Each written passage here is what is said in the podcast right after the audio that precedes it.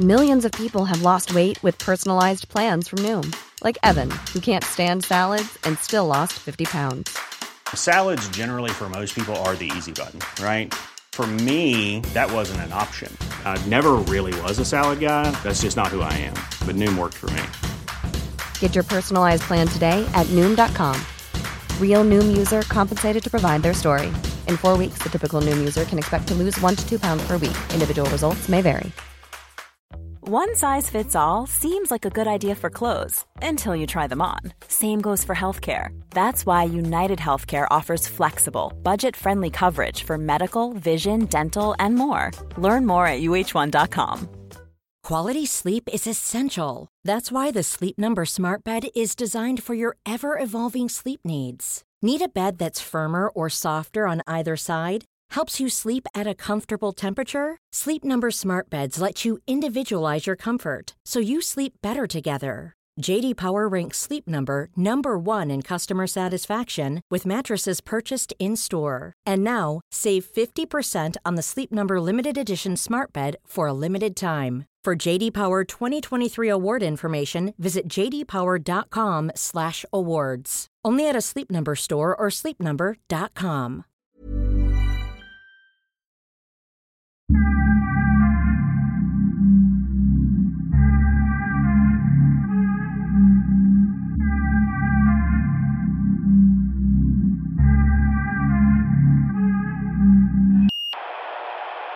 Egentligen tänker man ju sig att ni sitter här och käkar liksom Ja. så här praktmåltid och dricker champagne och sånt där. Så brukar det ju vara eh, när, vi, eh, när vi var hemma. Innan det blev podd, då var det ju alltid middag och då är det alltid någon gryta som kokar. Eh, och sen så blev det snack och sen så var det eh, typ politik, sex eh, och integration. Och livet. Och livet. Men, men säg ja. inte det högt där nu så att, eh, för då det tar ju bort liksom halva motivationen att komma hit. Ja, Att du inte får champagne. Ja, och middag och allt det här. Det är bara det att eh, det, det, det är inte så roligt när man tuggar i micken. Det uppskattas inte av många. Sen är det beroende på vilken gäst vi har så bjuder vi på olika typer av, alltså det som det associeras. Jag tänker du har varit fem år i fångenskap. Vatten är det bästa. Det är väl blir, eh, tillräckligt. man blir bortskämd väldigt fort alltså. Ja. Tyvärr är det så. Men jag menar, alla har ju varit hungriga och frusit och allt så här liksom. Och då är det ju första glaset vatten eller liksom när man kommer in i värmen. Det är ju det bästa som Mm, finns. mm. Ehm, och sen har du druckit två glas vatten så, så är du Ja. liksom ganska nöjd. Då vänjer man sig så snabbt alltså. Ja, men men det var ju som när vi firade Ramadan. Jag menar, första glaset vatten var ju underbart. Mm. Men så lärde man sig ganska snart att inte stjälpa i sig liksom tio glas för då mådde man ju dåligt. Det var ju massa juice och grejer. Så här. Just det. Då blir man ju dålig i magen. Ja. Mustafa, som Så- muslim, har du firat Ramadan? Ja, men vi hade ju Ramadan eh, varje månad. Det är klart. Har du fastat? Varje månad också. Det var Nej men förlåt, alltså i hela månaden var det ju liksom Ramadan. Men barnen behövde ju inte fasta. Nej, barnen behövde inte fasta, eh, men man gjorde det ändå eh, för att det var coolt, för att man ville härma föräldrarna. Mm. Men det höll i sig till klockan 11 på dagen. Ja. Sen föll man ju för det. Och, och föräldrarna var ju väldigt förlåtande. De ville ju inte att man skulle göra det. Visst, var det inte, visst var det mysigt att jag, jag minns att man brukar liksom väckas mitt i natten. För, liksom, det var ju mitt i natten för barnen för att eh, då skulle alla få äta och då var det som en fest på natten. Det, det tyckte jag var skithäftigt. Det var en häftig upplevelse. Man gick och la sig från en fest och så vaknade man till en ny fest. Ja, ja. Det var mysigt. Ja, men det bästa var just att bryta fastan med, eh, med familj och släkt. Och, och, och grejen är att det blev ju för mycket mat. Det blev alltid för mycket mat. Så jag, jag tror inte att de rika familjerna som, eh, som fastar, jag tror inte de gick ner i vikt under Ramadan. Nej men på riktigt, för att det är rätt mycket mat man får i sig på morgonen när solen går upp och rätt mycket mat man får i sig eh, när solen går ner. Mm. Så det, är, det är inte så svårt att fasta. Alltså när man vet att det finns mat på slutet av dagen. Det är typ första två timmarna. Och sen vänjer sig kroppen, sen håller kroppen tyst. Eller så är det för mig i alla fall. Nej, men jag håller med. Det är skitenkelt att fasta. Så vad är den här grejen med Ramadan att man ska lajva att det är Nej, men- svårt? Nej. Det var ju ute i öknen då. Ja. Så vi Nej, körde nej, ju det på riktigt ja. då. Ja. Alltså det var ju törst. Ja, törst nej, det var nu pratar jag- Fick man inte ens dricka vatten heller? Nej men det får man ju inte. Nej, det får- man får, jag, det- tycker, det jag fick för mig att man fick dricka vatten. Vad sa du? Det visste inte jag heller. Alltså Ja. jag, jag visste inte så mycket om Det är ju där som fastan eh, liksom fuckas upp. För utan mat är vi ju vana, alltså vi, vi, men vatten, vi måste ha vatten. Så i Pakistan, Afghanistan inte dricka vatten på hela dagen, Det är I den värmen. det är inte bra. Jag, jag måste bara vara jävligt tydlig. Jag menar det är töntigt att lajva fasta när man bor i civilisation. Inte i fångenskap ute i öknen. Det, det var inte det jag jämförde med. det, pff, det där klarar jag av. Det, Jag ska, ja.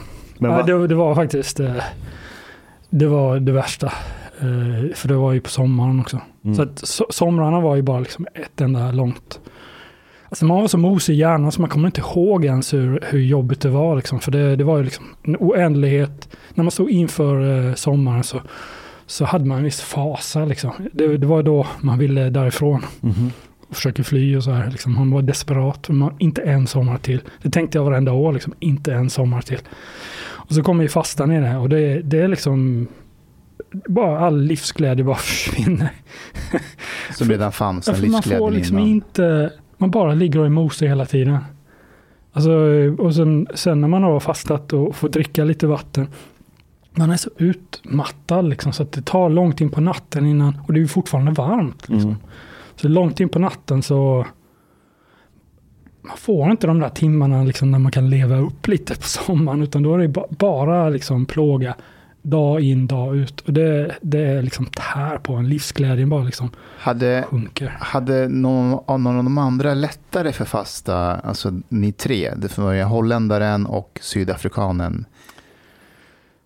Jag vet inte faktiskt. Jag tror inte det. Jag tror aldrig vi pratade om det, utan vi Nej. bara led, Vi led satt inte och liksom gnällde tillsammans om den här jävla ramadan igen. Pratar inte, alltså jag kommer Nej. ihåg när jag gjorde det, militärtjänst. det var nog underförstått liksom. Det, var, det var inget Mm. att snacka om. Jag kommer ihåg när jag gjorde militärtjänsten så hade vi överlevnadsvecka. Eh, vecka. och det var närmsta Ramadan man kan komma. Det var en vecka som inte vi fick någon mat. Och sen fick vi vara i skogen och leta efter vår egen mat. Fan, det fanns ju ingen mat. Men jag kommer ihåg att på kvällarna så satt vi alltid och pratade om mat. Vad man skulle äta för mat när man kommer hem. Jag kommer ihåg på min lista var så här Mongolian barbecue och sen korv med pinnbröd. Ni Pinnbröd. hade ingen lista. Jo, alltså han eh, holländaren var ju sån. Mm. Eh, de gjorde ju så hela tiden. Mm. Alltså jag ser ju alltid Jack holländaren som att han var den mest normala av oss. Mhm. Han gjorde ju listor. Mm. Dels började de ju med, liksom när vi hade blivit tillfångatagna, och det, det gjorde mig helt vansinnig. Gjorde listor på liksom sådana här semestermål som man vill Mm, åka mm. framöver. Liksom. Mm. Och jag bara, det blir ju inget mer semester. Eh, jag ville ju prata om, liksom, vad gör vi om det börjar smälla? Liksom? Mm. Vad gör vi? Liksom, ska vi ha en plan? Liksom? Nej, och så sitter de där vill inte göra det. Och det var ju samma sak, eh, listor på mat, liksom, det första jag ska äta när jag blir fri. Så här. Och det, den frågan är ju skit, den får jag väldigt ofta. Mm. Vad ville du äta? Liksom? Jag vill ju bara prata med vettiga människor. Liksom. Johan, det är en sak som jag har velat ställa frågan eh, sen jag hörde din historia. Och det är det här. Ehm, vad jag förstår så levde du ett med vanligt svenssonliv här hemma i Sverige. Du hade varit utbytt, eller du har studerat utomlands. Eh, Du hade träffat en, eh, en flickvän va? Eh, Gwen. Gwen. Mm. Wen. Och sen så när, när du flyttade hem så följde Wen med och ni var ju tillsammans. Mm. Men mitt i det här så bestämde du dig för att du skulle åka iväg på en resa utan henne. Och jag bara liksom, jag, bara, jag har många gånger undrat så här, hur fan tänkte du där? eh, alltså, fan, så jävla pissigt. Osolidariskt. Ja, jo, Också det- uppifrån ditt jobb. Det skiter jag i, men man lämnar inte någon. Ja, okej, ja. Ja, Hon, ehm, hon hade ju börjat liksom, eh, hon började ju på så här svenska för uh, SFI, SFI, svenska för invandrare. Och uh, undervisade lite kinesiska och liksom så här hankades fram och sen fick hon ju riktiga jobb. Ja. Eh, och då kände jag att jag hade liksom jobbat ett... Tanken var ju att vi skulle komma tillbaka till Sverige så hon fick lära känna min familj och lite så här, liksom testa att bo i Sverige lite. Och sen, min tanke var ju att eh, vi skulle leva i Asien. Aha, okej, det var så det var tänkt. Men sen när hon, eh, liksom hennes karriär kom igång så ville hon ju satsa på det i Mm. några år till i alla fall. Ehm, och, och jag kände väl att jag var redo för nytt. Och då- när du säger att du då- var redo för nytt, eh, hade ni gjort slut då? Eller? Nej, nej, Nej. nej. Men alltså jag hade ju inte tänkt att vara borta i fem år om man säger så. Nej, hur länge hade du tänkt att du skulle vara borta då? Först ett halvår och sen kanske ett halvår till. Ah, okej, så det år. är ju ganska långt. Ja, Ja. visst. Mm. Vad, vad, vad, vad, vad, hade, vad hade hon att säga om, era, om dina planer? Dina reseplaner? Ja, alltså hon... Det, hon var väl inte överförtjust egentligen. Nej. Men vi var liksom ganska oberoende av varandra. Eller i alla fall inbill tänkte jag mig liksom att, eh, att hon eh, kommer ju klara sig bra. Liksom. Mm. Och det kanske är bra också och det kändes lite som att hon var lite beroende av mig. Liksom som att, att jag kände mig mer hemma här i Sverige och så här. Liksom, att, att det kanske skulle vara bra för henne. Liksom. Men det pratade vi inte om. Så här. Men det blev ju den effekten faktiskt. Eh, hon, Ni hade ju varit ihop i tio år va? När du åkte. eh, Eller sex år eller någonting. Ja, nog närmare sex tror jag. Ja. Det var ju inte så här en ny acquaintance här. Vi har varit ihop ett halvår, nu ska jag dra iväg ett halvår. Ni var ju väldigt Nej. nära varandra så som jag förstått det. Ja, men ändå liksom så att... Mm, ja. En sak som slog mig när jag tittade på den här dokumentären på SVT, det är att hon säger att, att, att hon frågar dig hur länge du ska vara borta och du säger att du inte vet. ja, det visste jag ju inte riktigt. Men det var inte fem år liksom som var underförstått. Men jo, men jo visst, det, det är liksom en avvägning liksom. Eh, vi hade inga barn. Alltså det, var, det var ju någonting som jag ville göra. Liksom. Eh, Eh, Alltså var det, det. Visst, det, det är själviskt så. eh, Jag har fått höra det. Eh, Samtidigt så liksom ska man, låt säga att eh, jag hade inte gjort det här då. Att hon hade tvingat mig att vara kvar. Liksom det, antingen så gör vi slut eh, liksom, eller så stannar det. Ehm, det hade inte varit bra för relationen heller om man säger så. Nej, Du hade ju blivit bitter. Du hade gått och tänkt så här, vad det du har potentiellt missat. Ja, och sen kanske man gör slut ändå liksom, Ja. i sådana förhållanden. Absolut. Det är inte säkert det liksom räcker. Jag, jag tänkte, jag menar, vi har det här förhållandet så länge det funkar. Det, vi är fortfarande inte gifta. Mm. Eh, liksom, jag, jag tycker inte det hjälper liksom att gifta sig. eh, det, det är min tanke i alla fall. Jag är ju inte religiös heller. Så att, Jag är på men samma tank- bana. Det är tanken är symboliskt. liksom eh, att det blir någonting som tvingar en lite att vara ihop. Och så ska det inte vara, Ja. tänker jag. Men det, jag, jag vet inte. Det är ju också en fin cer- ceremoni, liksom, en fin markering och så här. Så att, När du är där ehm, och när du har kommit tillbaka, ni är tillsammans igen. mm. Eh, Är det någonting du hade räknat med på något sätt? Eller hur, hur, hur oviss var du? Ehm, ja, alltså jag tänkte, jag, jag eh, kände inte riktigt att jag skulle komma hem igen. Alltså det kändes som det höll på, alltså det var många nära ögat liksom, så att det, det kändes ganska mörkt. Eh. Jag försökte ju förtränga också allting, liksom där hemma och så. så att, um, det fanns inte riktigt. Eh, utan vad jag hade framför mig det var ju att jag var tvungen att ta mig därifrån själv. Och att nästa gång då skulle det bli... Alltså jag visste ju liksom att det skulle vara hopplöst. Alltså antingen ta upp ett vapen, försöka ge sig iväg med en bil. För där vi var då sista fyra och ett halvt åren, det var ju ren sandöken. Där lämnar man ju spår. Så det, det fick inte vara någon som jagade efter en. Eh, så att det var ju extremt desperat. Samtidigt så var det ju väldigt slappt liksom i, i de här lägren. Då. Jag hade ju tiden för mig på det viset. Så tiden för mig på det viset att jag kunde planera och, och liksom det kom nya grupper och jag kunde utnyttja det. Samtidigt tiden emot mig för att man blev ju sjuk och, och sen kom ju sommaren. Det var helt kört att göra någonting. Och år, liksom perioderna under året när man kunde göra någonting var ganska kort. Um, och då gällde det liksom att det, man var frisk. Så det är många saker som var tvungna att stämma. Samtidigt är det ju eh, extremt eh, obehagligt att liksom försöka börja planera och tänka liksom och faktiskt vara beredd att göra de här sakerna. Det är en sak som slår mig när jag läser boken som är oerhört, eh, liksom, man blir verkligen tagen när man läser det, men en sak som slår mig är att du verkar oerhört rationell som person. Alltså att eh, liksom, du, du, du tar små, små steg hela tiden, men de är väldigt realistiska på något sätt. Eller? Jo men vänta, ja. Eh, alltså det här att du inte har de här och en dag ska jag tillbaka och göra det här. Utan du, du är så här realistisk. Ja, jag ska göra det här och om det ger resultat så ska jag göra det här. Har du alltid varit så rationell? Nej, alltså,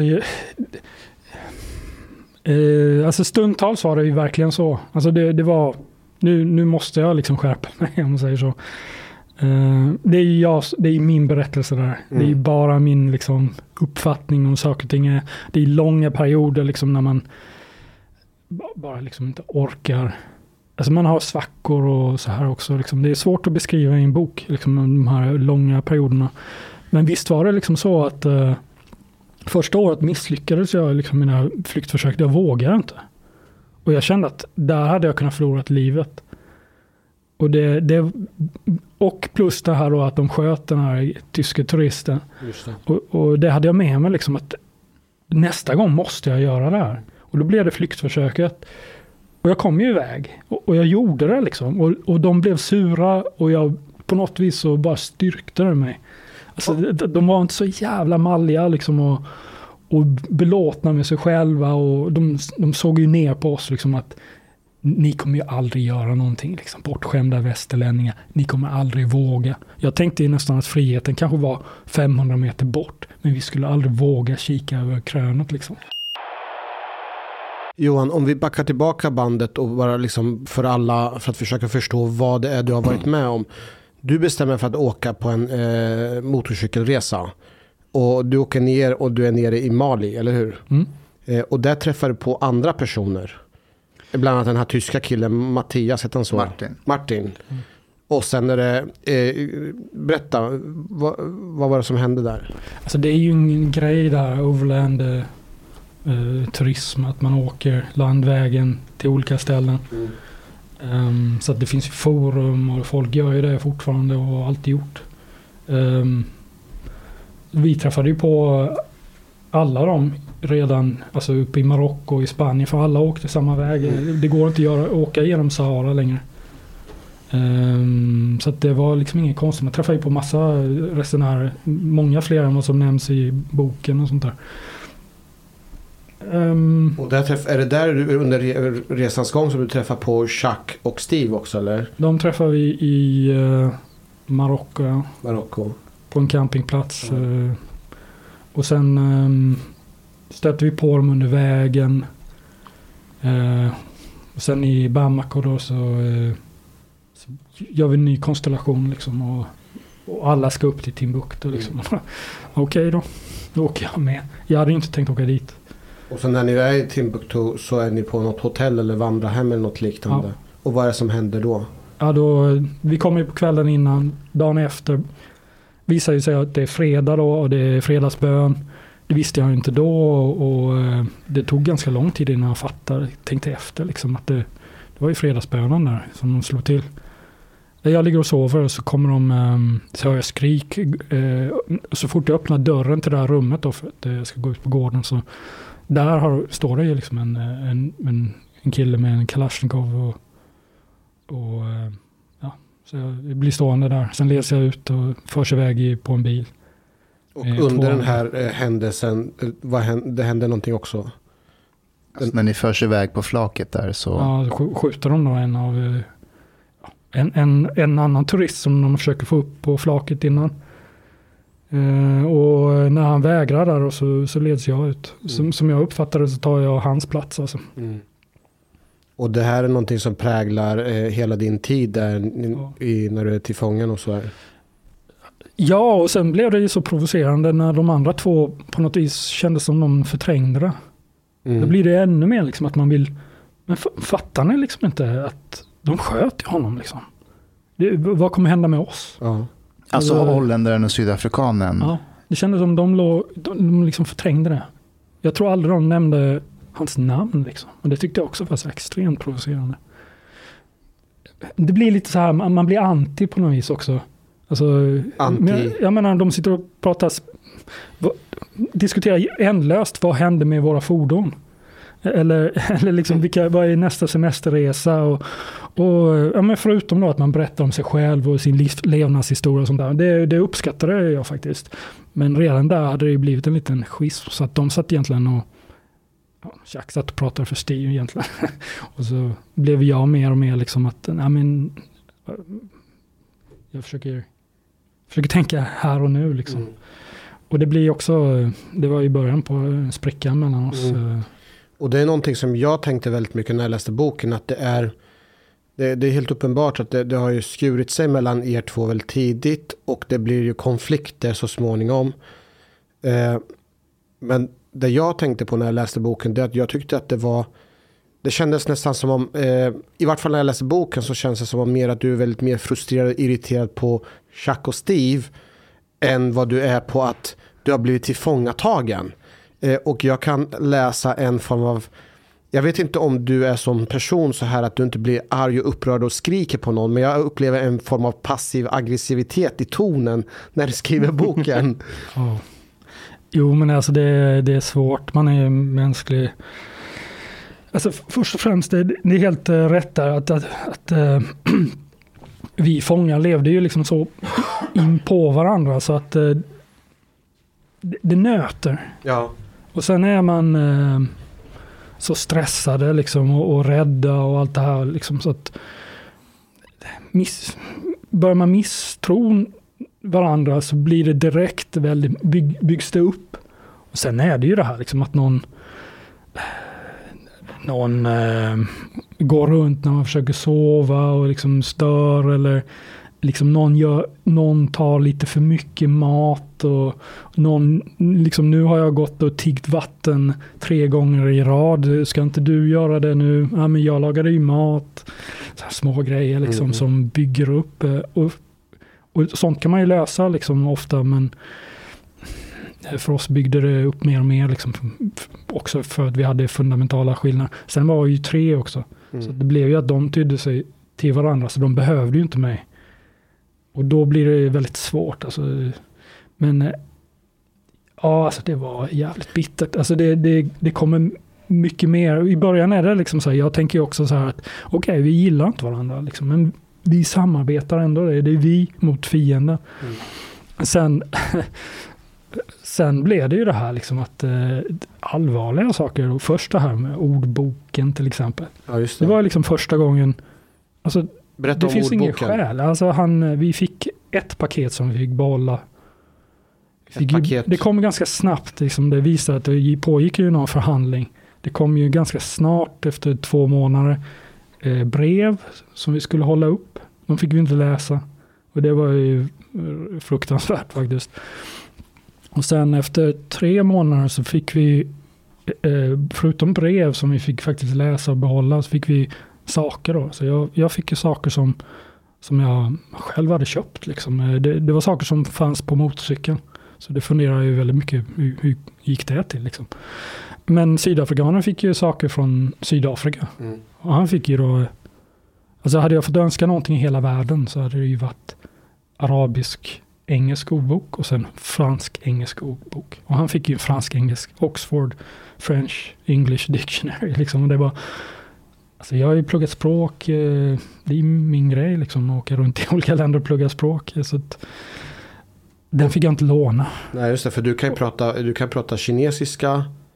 Vad kan du mer prata för språk? Alltså, jag, jag, jag har pluggat de här Ja, Men jag kan prata kinesiska till exempel. Men jag har ju pluggat italienska och spanska och tyska och så här. Men jag kan inte prata italienska längre. Men jag tänkte så här, eh, kände du, nu en korkad fråga, men Du berättade att du var väl så trött på att åka runt på motorcykel så du ville stanna till och en grej har ju varit att du ville lära dig språk. Och nu fick du verkligen chansen att lära dig ett nytt språk här. Ja, det var väl det mest repressiva sättet och, Ja. och liksom me- mest, eh, eh, vad ska man säga? Nej, det var, det var ingen bra sätt att lära sig språk. Det var, det var svårt. Det var svårt. De pratar ju massa språk. Mm. Ehm, De pratade ju, det var ju väldigt få som kunde prata klassisk arabiska. Och sen är det ju massa minor- minoritetsspråk och sånt där. Och, och de ville ju absolut inte lära ut heller. Nej. Så, så blev man för pushig liksom. Vem vill inte lära ut? De, Alltså, kidnapparna. okej. Jihadisterna. Jag menar, de, de, klart de ville lära ut eh, arabiska så jag kunde recitera Koranen. Men de ville inte eh, liksom att jag skulle kunna... De tyckte det var onödigt för mig att kunna mer än så. Och det kan man ju förstå, men det blir också en, ett problem liksom när man det blir snabba ryck. Liksom, att vi, vi får massa order att göra saker och vi fattar inte vad de säger. Fanns det någon anledning att tro att de kan engelska men inte visar det? För att ha någon sorts dominansposition? Um, alltså det fanns ju alltid den fruktan. Alltså jag fruktade, eh, nej det var, fanns extremt få. Alltså det fanns ju en britt där till exempel. Det var ju jätte, det var ju jätteläskigt. Mm. Han kunde ju bättre engelska än vad jag kunde. Så att han kunde ju höra, man kan ju höra långt liksom när någon sitter och pratar. Så här. Men vad jag var rädd för var ju de här unga killarna. eh, De hade ju mobiltelefoner de, som de kollade sådana här propagandafilmer på. Och de satt ju och lekte med alla funktioner där, kameran och det finns ju mikrofon, inspelnings... Att någon skulle spela in liksom om jag satt och pratade. Just det. Och sen ge det till, till den här britten till exempel. Och jag sitter där och ibland får man, var ju tvungen att bita sig själv. Jag- hade ju liksom lovat mig själv att aldrig skämta om religionen, Mohammed, Koranen. Men det gick ju liksom inte. Man levde ju liksom i den här eh, eh, Monty Python-världen liksom. Det, det, det, det, det blir ju så absurt. Alltså också när alltså, tron och verkligheten liksom klaschar. Liksom. De tror ju, alltså i, i jihad blir man ju aldrig hungrig, trött och, och rädd och sådana saker. Och jag har aldrig sett en tröttare, hög, hungrigare bunch liksom på ibland. Det var ju liksom huggsexa om, det fanns lite kött och sånt. Du var Men, det satt du skämtade om med... eh, Alltså ibland kunde man, ju- kom man in i, liksom, om jag och Steve delade koja sådär, vi, vi kanske inte pratade så mycket men ibland var det ju ändå liksom sådär, ja, de var ju lite hungriga ändå kan man ju säga kanske. Eller, eller ja, alltså det var ju, Steve, gick, sydafrikanen gick ju mer och mer in i det här. Alltså, In i? Tron. Eh, Det blev ju med åren svårt liksom och det gick ju inte att prata längre. Men då är det, det är också provocerande liksom att man vill kanske driva lite mer. Och så. Men jag fick för mig att du var den första, första personen som konverterade till islam. Ja, men jag trodde ju, jag gjorde det ju bara för att liksom Mm. rädda skinnet på mig själv. Men även när du gjorde det så gick du in för det helhjärtat. För du försökte lära dig hur man ska be ordentligt. Ja, Eh, heter det vuzu eller vod? Vad heter det när man tvättar innan? Voodoo ja. Ehm, ja, alltså jag gjorde det för, för liksom, jag trodde mitt liv berodde på det. Så att det var verkligen all in, försöka. Om man ska övertyga någon att man är nyfrälst eller så, här, då är man väl intresserad tänkte jag. Mm. Och sen tänkte jag att det, de, de kommer testa mig liksom. Och, och, och, och det fanns ju liksom ingen gräns på hur hemskt det skulle kunna bli. Så att jag, jag hade svårt att tro att det skulle rädda mig. Allting kändes som att det var upplagt. Alltså hela, alla regler för dem är ju liksom för att de ska vinna. Just Alltså ju mer man går in i det, ju mer vinner man ju hela tiden. Det finns, de får ju ljuga liksom i, i, för jihad. Man får ju ljuga för sin fru liksom om vita lögner är ju tillåtna också. Varför inte då en vit lögn till en fånge för att lugna ner honom lite? Han, har man konverterat, visst, du kommer ju vinna allt i himlen. Men det räckte ju inte för mig liksom. Du har ju levt ändå som muslim i fem år. Där borta i fångenskap och konverterat. Men eh, ser du några, alltså jag tänker för många som inte, vi kan snacka om islam och muslimer i, i generella termer. Men eh, vad kan du säga utifrån att ha läst Koranen? För du kunde väl till och med Koranen utan till? Nej, inte hela. herregud. Inte hela. Oj, shit, vilket projekt det är. Alltså, Ja. Och speciellt hålla det levande också. Mm. Göra det en gång. Det var ju rätt många som hade gjort det i koranskolor och sånt. Men att fortsätta, det, det är ju en livsstil liksom. Eh, nej, jag, jag la av efter ett tag i princip. Eh, det kändes inte som jag... Det kändes inte motiverat att jag skulle kunna mer än de flesta av dem. Liksom. Men samtidigt så tänker jag att man skulle kunna plugga så pass mycket som man kunna argumentera för sina rättigheter. Att här så står det så här. Ni kan inte göra på det här sättet. Det fanns Jaha, inte... okej. Ehm, ja, det är ju det är svårt, men um, alltså Koranen, det, tar man inte riktigt från Koranen liksom, utan det är hadither och så här. Men, ehm, jo, men eh, på sätt och vis, alltså mot de här unga killarna som kommer som har mest eh, av tradition och sånt, som inte kan, kan saker och ting. Det var ju mest om de kom och försökte få mig att göra grejer. Speciellt när jag hade varit där ett antal år. Så lärde jag mig liksom att säga nej. Lite också så att man steg i graderna, liksom Mm. att de här yngsta, mest nyrekryterade, att man egentligen var ju jag lägst, eh, speciellt efter flykten. Men man kan ändå liksom eh, komma in, stiga lite i graderna liksom när, när man blir lite kompis med ledaren. Eh, dricka te med de högsta ledarna när de kommer, det får ju inte de yngsta. Då sitter de längre bort i ringen liksom. Mm. Men kanske ledaren kanske är lite intresserad av att lite nyfiken kanske. Så här. Och kan man bete sig väl liksom så kan man säga något kul liksom. Eller, de tyckte ju det uppskattade liksom när man kunde liksom så här små jag menar, eh, små gester och så här liksom. Men är inte det provocerande att du som vit kommer dit och lär dem hur de ska tolka Koranen? Eh, Alltså från deras sida Nej, då? men alltså det, det, det kunde jag inte göra. Alltså de, de yngsta, det är en annan sak. Men eh, alltså de lyssnar ju inte på mig. Men jag kunde ju säga nej, liksom att eh, eh, jo men det är okej att hålla händerna så här. Men det finns så här, liksom tre olika sätt att hålla på som är okej. Och Så därför är det så, du, jag fortsätter göra så här, liksom vad du än säger. Det är inte så att jag kommer, de lyssnar ju aldrig på mig, om man säger så. De lyssnar ju på sina ledare och, och propagandafilmer och allt det här, liksom, eller kompisar.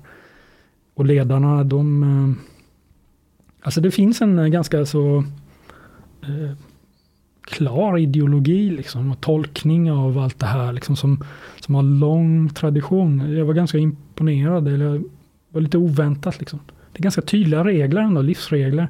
Som, det är inte så mycket tolkning. Alltså utifrån, det har redan tolkats av folk som är godkända och så här. Så det finns tolkningar. Det är bara de nya grejer som det kan vara lite debatt om. Eh, När, när du tittade på ja, men de som eh, var ledarna och de som var under rang under ledarna.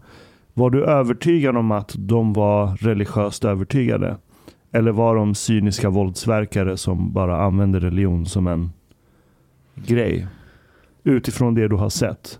Var det, var det religiösa människor du hade att göra med? ja, absolut. Men sen är det ju, vi, vi är ju alla människor liksom. Mm. Men eh, ledarna är ju är ju djupt i det där liksom. De, de kommer ta det in i döden. Alltså de fortsätter kampen själv känns det som. Kände igen mig lite i, eh, i, i när jag läste, eh, jag lyssnade på din bok till exempel. Alltså de, de som har uppvuxna i det. Eh, de har haft så många anhöriga liksom som har dött i kampen och det är deras liv. Eh, eh, de, är, de har liksom varit förtryckta. Det är ju algerier då i det här fallet. Och som i flera ställen i Mellanöstern, så de vann ju val och sen blev det ju, militären tog över och sen kraftigt, alltså de fick fly till bergen och liksom ärrade, liksom veteraner, gerillakrigare ut i fingerspetsarna. Kanske de är ättlingar till det är liksom nästa generation som är uppvuxen från början. De känner inte till något annat. Och, och det är liksom helt enligt, eh, det, är- det är ju samma liksom som Mohammed var tvungen att fly och, och det står i citat eh, liksom att man ska fly till bergen om de inte, om det inte finns tro, andra troende liksom, så samlas man i bergen. Och det är liksom helt enligt, alltså vi levde verkligen, eh, det sa ju de, det, det, fick jag höra flera gånger, liksom, vilket privilegium liksom, att vi kunde leva där bland kamelerna, och åsnorna och getterna liksom, och, och, och, leva liksom Mohammeds liv ut i fingerspetsarna. Liksom. Lite det... svensk att man uppskattar naturen och allting. Men du, jag tänkte på, det finns ju ett psykologiskt fenomen som heter Stockholmssyndromet. Ja. Eh, och du har ju levt med dem, eh, de här personerna under länge. Kunde du på något sätt empatisera med deras kamp ändå, trots att du var tillfångatagen? Kunde du på något sätt förstå varför de bedrev den kampen de bedrev? Ja, alltså, ja, jo. Du kunde göra det? Absolut. Eh, det är lite nästan så att jag hade önskat att, de var, att det var någon självständighetskamp. Liksom. Alltså som eh, Västsahara eller Tuaregerna eller något sånt där. Alltså att de slogs för sitt land och sina rättigheter och, mm. och sånt där. Då, då hade man ju nästan kunnat. Köpa det. Men, liksom. men, det här var ju liksom helt koko egentligen. Alltså det, de, de, det var ju liksom det här några av de här mest religiösa ledarna snackade ju om att det är liksom som Temeshek, tuaregernas språk, liksom att det, det är ett skitspråk.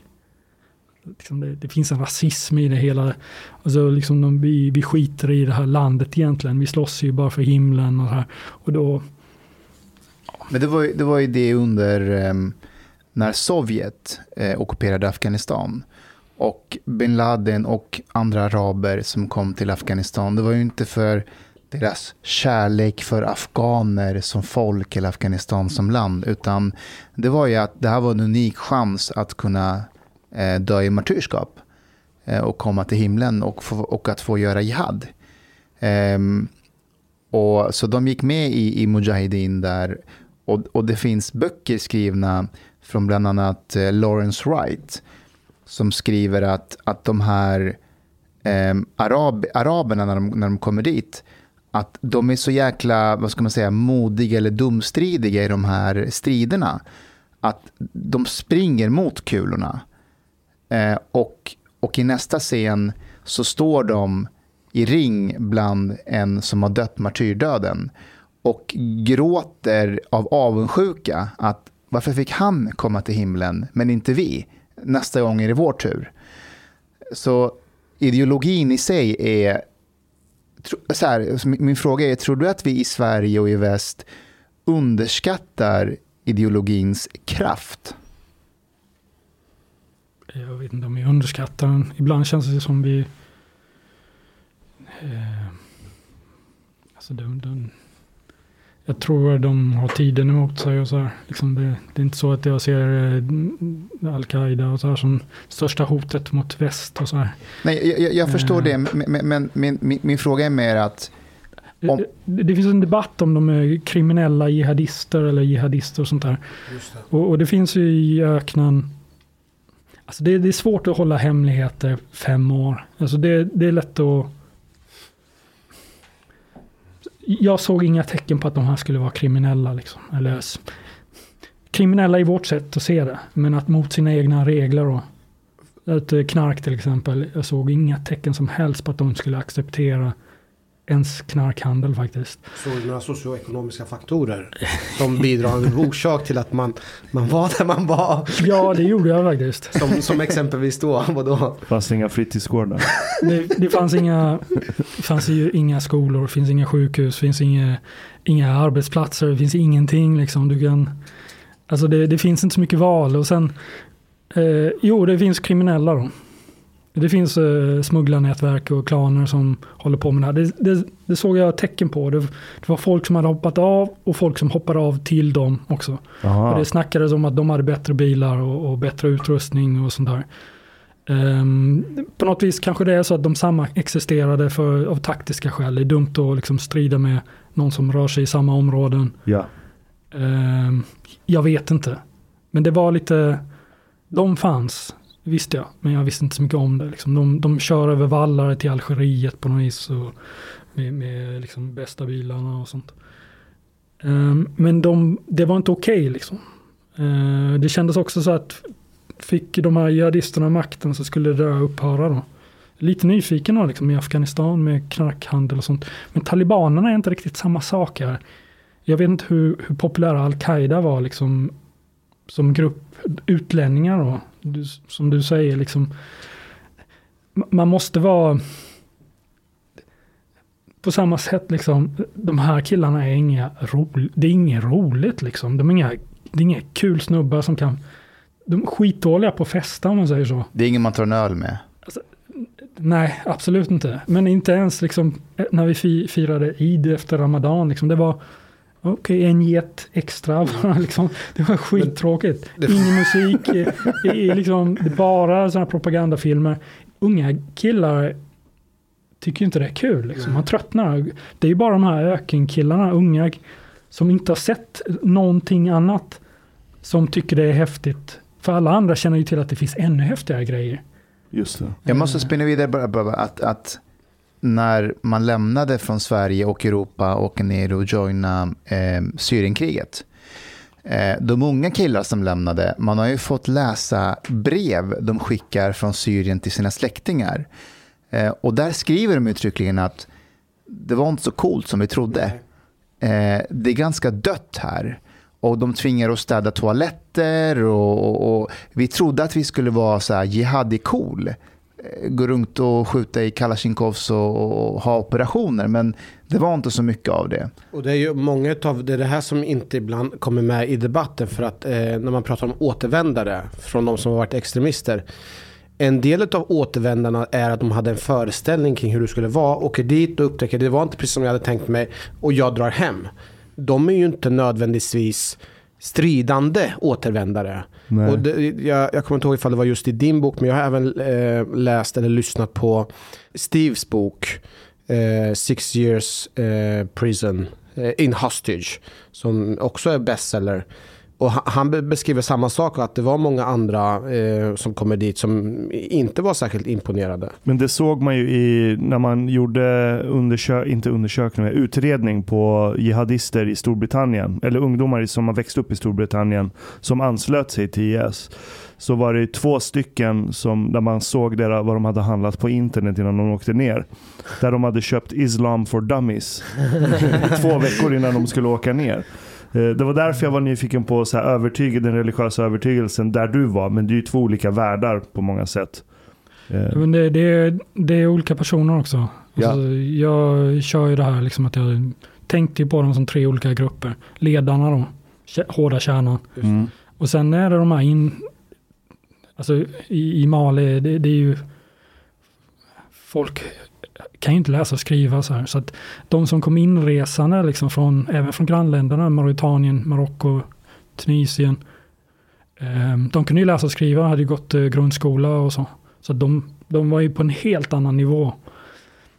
Och jag hade ju liksom en religiös, alltså uppväxta i ett religiöst land, så de har ju liksom, alla barn i Mauritanien lär ju sig recitera rätt mycket och sånt där. Eh, men, men de var ju också nyfrälsta liksom radikaliserade, kollat på alla de här videofilmerna och sånt här. Liksom. Så de var ju på ett helt annat sätt. Eh, kanske också lite småkriminella och liksom rebeller och allt det här. Men de var ju ganska otrevliga och liksom Ja, alltså de, de, de, eh, deras flamma brann ordentligt liksom, men sen så, så falnade det ju ganska fort. Så de, antingen dog de ju liksom, eller så blev de ju bittra. Mm. Och liksom hade svårt. Och sen var det de lokala unga killarna, stora merparten. Och det är ju mer pragmatiskt, liksom att de, de tycker det det är en karriärsväg, det, det är liksom en möjlighet att, att bli något och eh, något att tro på. Och sen är det ju häftiga bilar och vapen och sånt där. Liksom häftigt. Och tredje? Ja, det är de tre. Okay, alltså ledarna, yes. eh, eh, migranterna och de lokala. Som jag såg det. Och det, det, vi pratar om här då, det är ju migranterna. Han som kom ja. från Storbritannien. Just det. Ehm, ja, Tunisier, Egypt, från Egypten och sånt där. Ehm, och de var ju liksom taggade. Men, men det, Mali är svårt att rekrytera till. Ehm, det var en mauritanier som hade rest runt i Libyen och försökt rekrytera dem. För de, för de är viktiga de här migranterna.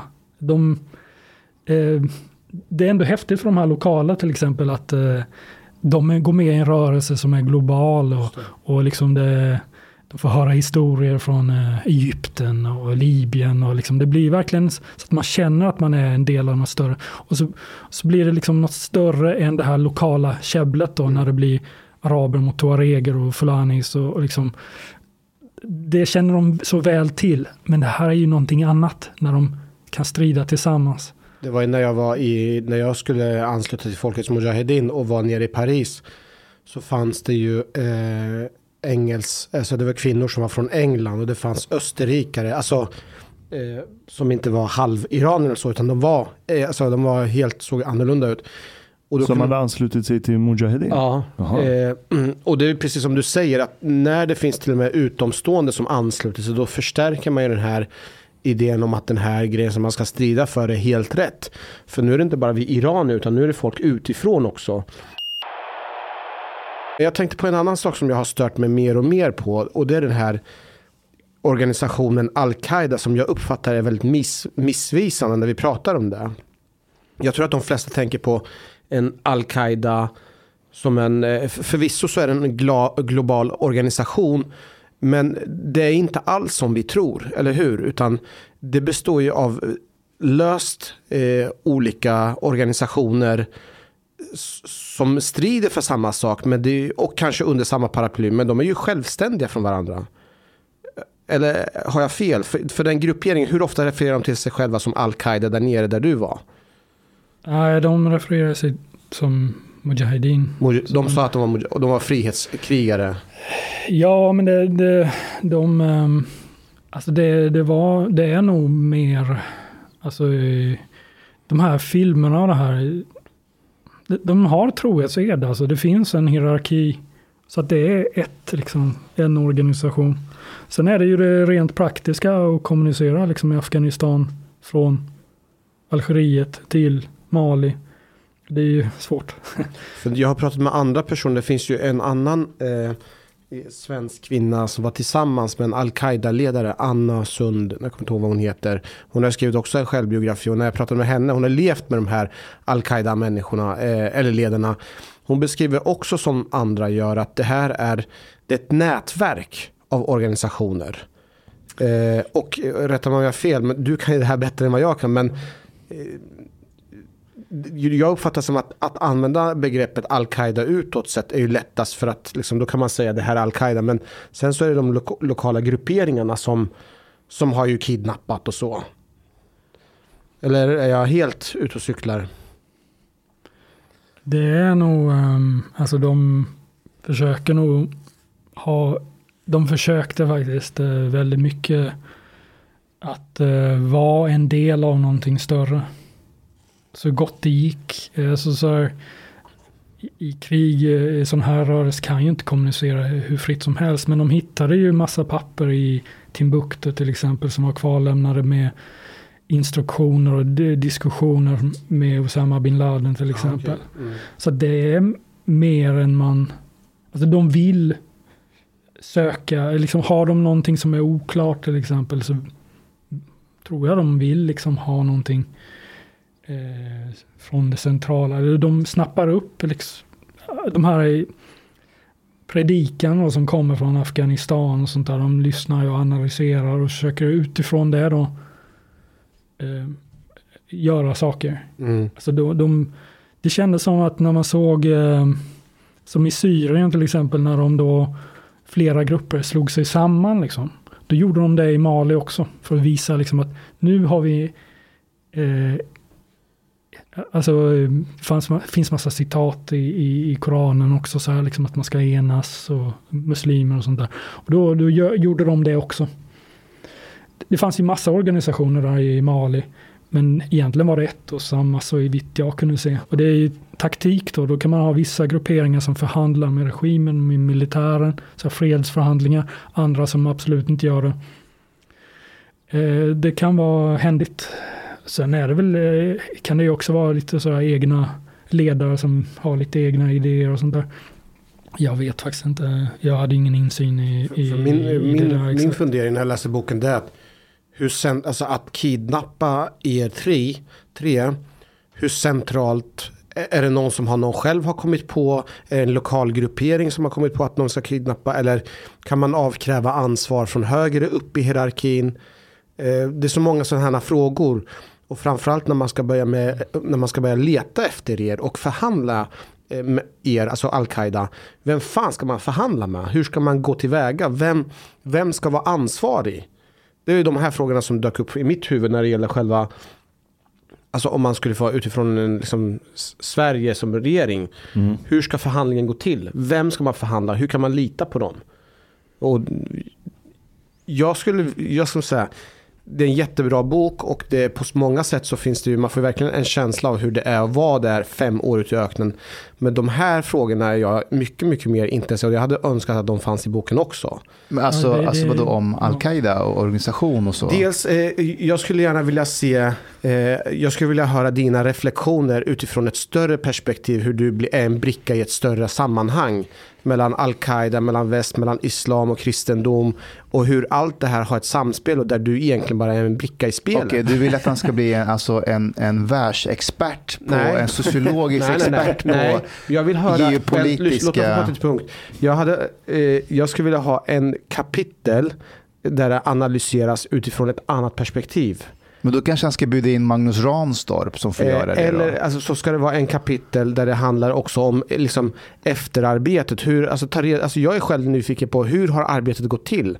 Hur har det gått till rent eh, processmässigt från eh, eh, samhället för att kunna staten till, till att förhandla det här? Eh, det, men den, den, informationen sitter inte jag inne med. Nej, jag, jag, men varför men, gör du inte det Johan? Nej, men är det, men det, det skulle, är, du måste ju få, ha fått eh, någorlunda svar på de här frågorna. Nej, nej, nej. faktiskt inte. Men eh, det, det, går att ta reda på rätt mycket själv. Ja. Hur, hur menar du? Alltså det, det, eller är det så att du har fått instruktioner att du inte får prata om det? Eller? Nej, det, Nej, det har jag inte. Men det är helt enkelt att jag inte blivit informerad. Nej. Jag har ju träffat eh, en hel del folk. En del säger bara liksom att de, de var inblandade. That's it. Mm. Eh, och så ställer inte jag några frågor. För det är ju uppenbart. Liksom, om de inte berättar så, så kommer de inte berätta heller. Yeah. sen är det väl så liksom. Eh, det är ju känsligt då. I och med att det har med andra länder att göra alltså förhandlingar och sånt här sker via ombud. Och då kan man inte säga någonting, eh, Nej. för då funkar det inte kanske nästa gång. Men det kan inte vara så komplext egentligen. Jag tänker om vi tar Afghanistan till exempel, innan talibanerna tog över. Eh, är jag helt ute och cyklar om jag gör antagandet att den afghanska regeringen i Kabul hade kommunikation och kontakter med talibanska ledare. Så då tänker jag att det måste ju vara någon liknande struktur i Mali. Förutom där... att det var statskupp Så det fanns ingen, det är ju ett, förmodligen en orsak till att det blev så lång tid. Det blir krig och sen blir statskupp. Okej, okay, fair enough. Men, men de, de, som liksom gör statskuppen, om de kan förankra sig, de kommer ju direkt starta kommunikationslinjer med, med andra organ, precis som talibanerna gjorde. Det liksom... det att här är ju här är ju skett ett statskupp. Det finns ingen organisation som är erkänt någon annanstans. Så det måste gå som det går så mycket mellanhänder. Okay. Och det finns, eh, rätta mig om jag har fel, men det finns ju en organisation som har haft väldigt stor del i förhandlingarna till att, det skulle, att ni blev mm. frisläppta. Vilka då? Eh, Hope, Gift of the Givers. Gift. En sydafrikansk eh, muslimsk eh, välgörenhetsorganisation. Mm. Och de har pratat ganska öppet. Så att det finns eh, ah. information. Och sen så finns det också, eh, nu såg jag på vad det Nyhetsmorgon, eh, hur det pratades om att man officie Sverige officiellt har, säger att de inte förhandlar med terrorister. Men ändå så vet vi, kan vi alla räkna med att det har ju skett en massa förhandlingar och där det har betalats ut lösensummor och det fanns spekulationer från underrättelseuppgifter kring att man hade sett att eh, hur har man kunnat betala ut och då har man sett att liksom en del av biståndspengarna till vissa länder har ökat. Och till, var det Burkina Faso? Och då har man kunnat se att med största sannolikhet så har en del av de här pengarna gått till eh, eh betala lösensumma och så. Det, det, är ju en hemlighet. Vi vet inte, men det finns ingen bekräftat. Nej, men förmodligen så har man gjort det och jag tror ju inte att det är några hundratusen när vi pratar om miljoner förmodligen. Och det är ju det är ju skattebetalarnas pengar som har gått till, till dig som vill åka runt i Afrika på din motorcykel. Eh, jag hade ju önskat att de pengarna gick till mig då. Ja, men, eh, men för att få ur dig därifrån. Eh, ja, nej, men det är fortfarande liksom inte... Det, det är ju inte mitt beslut. Jag är ju förstås... Alltså i mina svagaste, alltså i, i, i många stunder där så hade jag ju tagit vilken hjälp som helst. Absolut. Um, det, jag, jag är obekväm liksom med att det har skett. Jag vill ju inte liksom att... Det är så, jag kämpade liksom i... Jag såg ju som en kamp liksom det här. Och på något vis var det ju förgäves då, för de vann ju då. Alltså det, det fanns... De fick ju vad de ville liksom. Så, så att jag satt ju där egentligen förgäves också. Um, så ser jag på det. Um, jag kan inte göra någonting åt det. Så därför väljer jag liksom bara att jag kan inte göra någonting. Det är också liksom hela... Så, så var det ju liksom med familjen och med Wendo som satt hemma också. När jag väl var där, jag kan inte göra någonting åt det. Jag måste göra det bästa av det jag har. Liksom, att bara grubbla på hur de mår och, och vad, hur det har drabbat dem. Det mår ju bara jag dåligt av. Och det hjälper inte dem. Och det är samma sak liksom nu. Eh, jag har ju eh, förmodligen då orsakat liksom, rätt stora kostnader. Och det känns surt. Det, det är skittråkigt liksom. Men jag kan inte göra någonting åt det. Och jag, jag kan bli en duktig, eh, liksom en ordentlig skattebetalare framåt. Men förmodligen kommer jag aldrig kunna betala tillbaka det. Om det skulle komma fram hur stor den här summan var. Mm. Eh, och så bildas det så här Facebookgrupper. Vi, vi, som vill att, vi som tycker att det var för mycket eh, betalt till Al-Qaida från svenska staten, som gick till Johan Gustafsson. Skulle det göra dig, hur, hur, skulle du känna om, om du skulle se en sån rörelse? Jag kanske skulle gå med. men jag tänker att du kan vara ledare. jag, kan, jag går hem och startar. Men, men, det, men det, här, det, här är, det här är så jäkla svenskt. Jag ser att det finns två sätt att se på det här. Det ena är, fan eh, Johan, var du tvungen att slösa bort mina skattepengar? Men sen så tror jag att ett, ett amerikanskt perspektiv skulle vara så här, fuck, du är en jävla hjälte. Vilken annan människa som helst som hade suttit där i öken i fem års tid, man hade tagit livet av sig, man hade inte velat leva, man hade liksom gjort slut på sitt liv. Men det svenska sättet är att varför har du kostat oss så mycket pengar? Och, eh, eh, och, och på, på, den, eh, på den delen så ser jag också en sak som jag reagerar på som jag vet inte vad jag ska tycka, men du har ju fått också en skadestånd. Mm. Eh, för man har ju, eh, Johan är ju brottsoffer. Mm. Eh, och du fick väl en, jag vet inte om det var en rekordstor skadestånd också. Eh, som du har eh, fått eh, och som, som behövs med tanke på allt lidande du har varit med om. Det finns ju också argument kring att mm. Johan du har valt att åka dit frivilligt, du har åkt in i ett område som är konflikthärjat. Och, och det här blev resultatet. Varför slösar du på våra pengar? Mm. Och kan ja, du berätta hur mycket det skadeståndet var på? Uh, uh, ska vi se, det är ju rätt, det är skatt och sånt också. Uh, men det är typ miljon.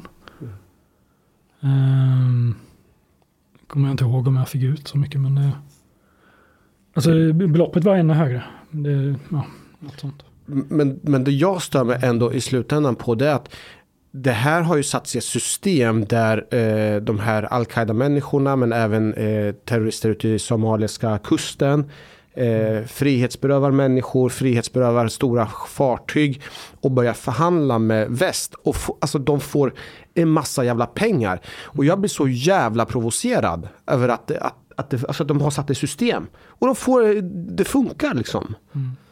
Och det här började ju alltså så. Alltså det blev kidnappningar i Algeriet först busslaster med västerländska turister. Många tyskar och så här. Det betalades med en gång. Mm. Och sen, eh, sen var det italienare, spanjorer, schweizare, så vidare, så vidare. Europeer alltså. Det, det pågick och hela tiden så blev beloppen större och större. Mm. Det kände inte jag till då. Men det var i grannländerna skedde det liksom successivt. Och där då det här var ju någonting som det diskuterades av inom alltså organisationen Och, alltså hur mycket, dels att hur lönsamt det var och summor då, hur mycket de skulle kräva. Så där var ju någonting som kommunicerades och det spreds ju då sen till Jemen och, och i, jag menar, i, i Syrien och Irak. Liksom det, nu vet jag inte exakt om det började i Algeriet, men det var ju väldigt tidigt. De var ju inte Al-Qaida-organisation från början. Eller anslöt sig ju inte till Al-Qaida först. De fanns ju innan, innan bin Laden och så här. Eh, så att eh, det som betalades ut där finansierade ju sen vidare. Mm. Det som blev min kidnappning sen. Just det. Eh, och, och till det då kan jag ju berätta att jag pratade ju med med, med de som hade varit med alltså, i Mali där från början. De hittade ju liksom, norra Mali är lite så här vilda västern, så att det var, blev en bra tillflyktsort för, för dem när det blev pressat i Algeriet. Och när de kom till Mali så hade de ju ingenting. De levde bara på ris, eh, höll sig långt borta från lokalinvånarna för de var rädda och så här. Och hade väldigt, väldigt ont om pengar det är kidnappningarna sen som, som gjorde att det här kunde bli så mycket större så att de till slut kunde ockupera norra Mali. Hur, ser det, du, hur, hur ska man kunna få bukt med det här? Alltså det här fenomenet, det här problemet. Går det att lösa de här? För jag ser det... Det, det är ju, alltså det här, här blir det ju då att man spelar ut olika länder mot varandra. Så att om Europa betalar och eh, Storbritannien och USA betalar inte till exempel. Så blir det ju att eh, massa amerikaner och britter stryker med. Så har det ju varit. Det är ju en stor överväldigande del av britter och amerikaner som har avrättats och, och, och europeer som har släppts i Syrien och i Nordafrika och så här. Och det är ju väldigt, eh, amerikanerna är väldigt bittra över. Alltså det, militär personal och så här förhandlar de och betalar säkert, men inte civil, civila. Så det är en stor skillnad på eh, europeer och nordamerikaner här, till exempel. Um, men det är ju att samarbeta då. Att eh, länder går samman liksom och bestämmer att nu betalar vi inte mer. Men då blir det ju liksom en grupp som råkar illa ut. Det är ju väldigt svårt politiskt sett. Och där är det svårt att hålla igen liksom. Ehm, men, men det är ju så, vi satt ju där i många år. De, efter oss så försvann ju all turism för övrigt. Mm. Um, och sen var det ju biståndsarbetare, nunnor och läkare och så här som, var, som levde där som blev kidnappade. Och de har ju suttit väldigt länge. Um, så att konsekvensen blir ju liksom att de att gisslan sitter kvar. Till, eh, och det är, det är ju väldigt lidande då för väldigt många. Um, det är en svår um, avvägning här.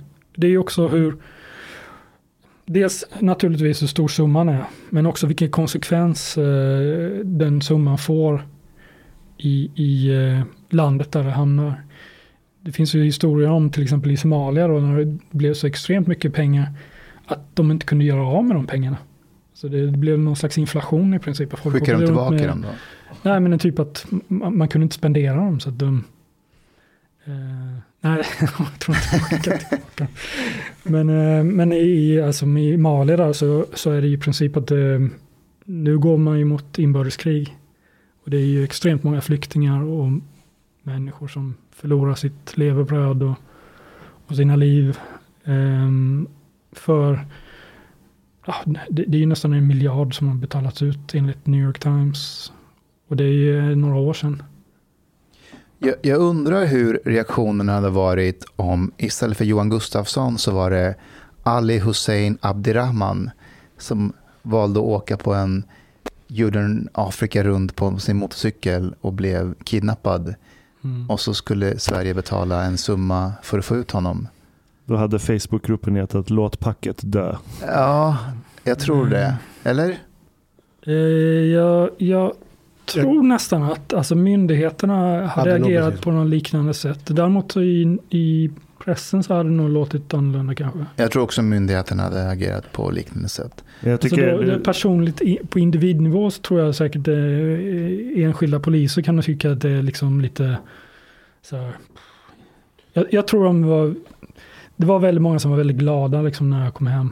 Eh, De har jobbat med fallet länge och liksom kunde relatera till min familj och sånt där. Det kanske inte finns på samma sätt liksom om man eh, jobbar med en familj och som har rötter i ett annat land. Liksom. Det är svårt att, man, man har inte samma, jag vet inte, jag spekulerar bara. Har du fått höra någonting om just, alltså någon slags kritik på att den, den summan som betalats ut och att man har hjälpt det och så är det någon som har reagerat negativt? Ja, absolut. Men På vilket sätt eh, manifesterar sig det? Är det folk som hör av sig till dig eller det...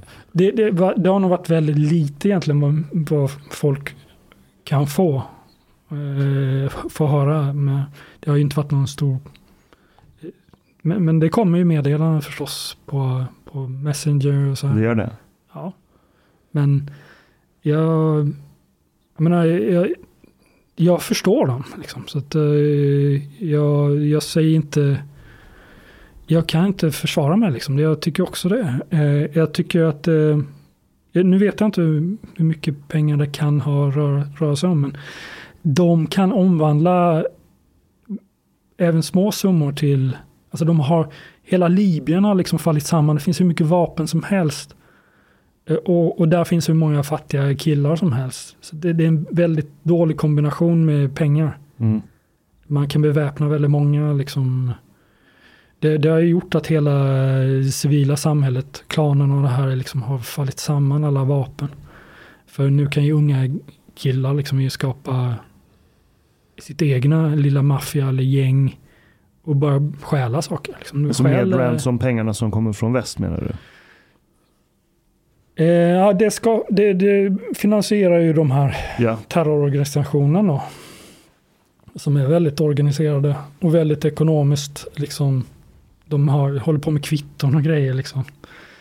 Eh, men, eh, men även alltså andra unga män som får tag i vapen. Så för det blir ju liksom en cirkulation på vapen och som. Ja men det argumentet kan man ju dra på svenskt bistånd också. Vad ligger det på? 40 miljarder eller någonting? 60. 60? 60 miljarder. Ja, eh, så, och det där det är ju ingen hemlighet att det läcker hur mycket pengar som helst därifrån in i sådana organisationer. Samtidigt som jag själv tycker att en liberal civilisation ska fan stå upp för sina medborgare. Det är som, eh, vi kollade på Full Metal Jacket igår. Eh, Stanley Kubricks. Eh, och det slår mig alltid när jag kollar på amerikanska krigsfilmer hur så här när en soldat blir söndermanglad liksom av en machine gun och du, du ser att den kommer aldrig klara sig. Så av princip måste det ändå rycka ut tre medics med lite så eh, hjälp och försvar för att ändå ge den här soldaten en värdig död. Fastän det kan riskera den här medicsens liv och de som försvarar medicen. Och att det, är så- det, är en, det är en princip man står fast vid. Eh, och på samma sätt så tycker jag att västerländsk civilisation ska stå upp för sina medborgare. Såvida det inte är en så här jättetydligt område där det är absolut så här, det är en 100%, 99% risk att du kommer fastna om du åker in där. Och då, ska, då kan myndigheterna säga, åker du till det här landet så hjälper inte vi dig. Jag tänker på vet. Saving Private Ryan. Ja, ja. Eh, den är baserad på en riktig story ju.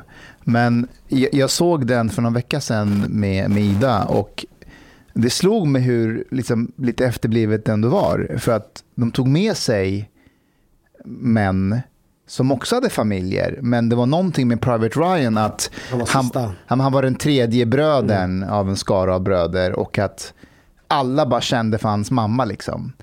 Eh, Men det är en otroligt bra film. Jag, jag måste bara eh, fråga dig Johan att eh, jag, jag- förstår såklart att du får privata meddelanden av, av personer som, eh, som kritiserar dig och kanske, staten. Men, men jag har inte läst någonting om det här i media någonstans. Alltså att, att man har kritiserat eh, summan på något sätt. Eller, eller, Nej men det, det är väl, det är ju liksom inte jag som har... eh, jag förstår, jag förstår. eh, Så, så det... Okej. Du har lyssnat så här långt. På sista måltid. En mycket fin radioprogram i Sverige. Du tycker det är mycket trevligt. Men, min vän, lyssna på mig nu. Du har inte betalat biljett på klubb sista måltid. De har blate grabbarna de behöver pengar. Flis. Lax. Stolar. Dirabilar. Lyxhotel. Du vet. Då måste du betala om du ska lyssna mer. Du får gaflera wsnit avsnitt också. biudande, heltenkelt helt enkelt. Les i beskrivning for avsnitt, där det finns information för att bli medlem på klubbzista måltid. Det kostar som en mycket liten kaffe latte ute på torget. Per månad. Lätt som en plätt. Tack,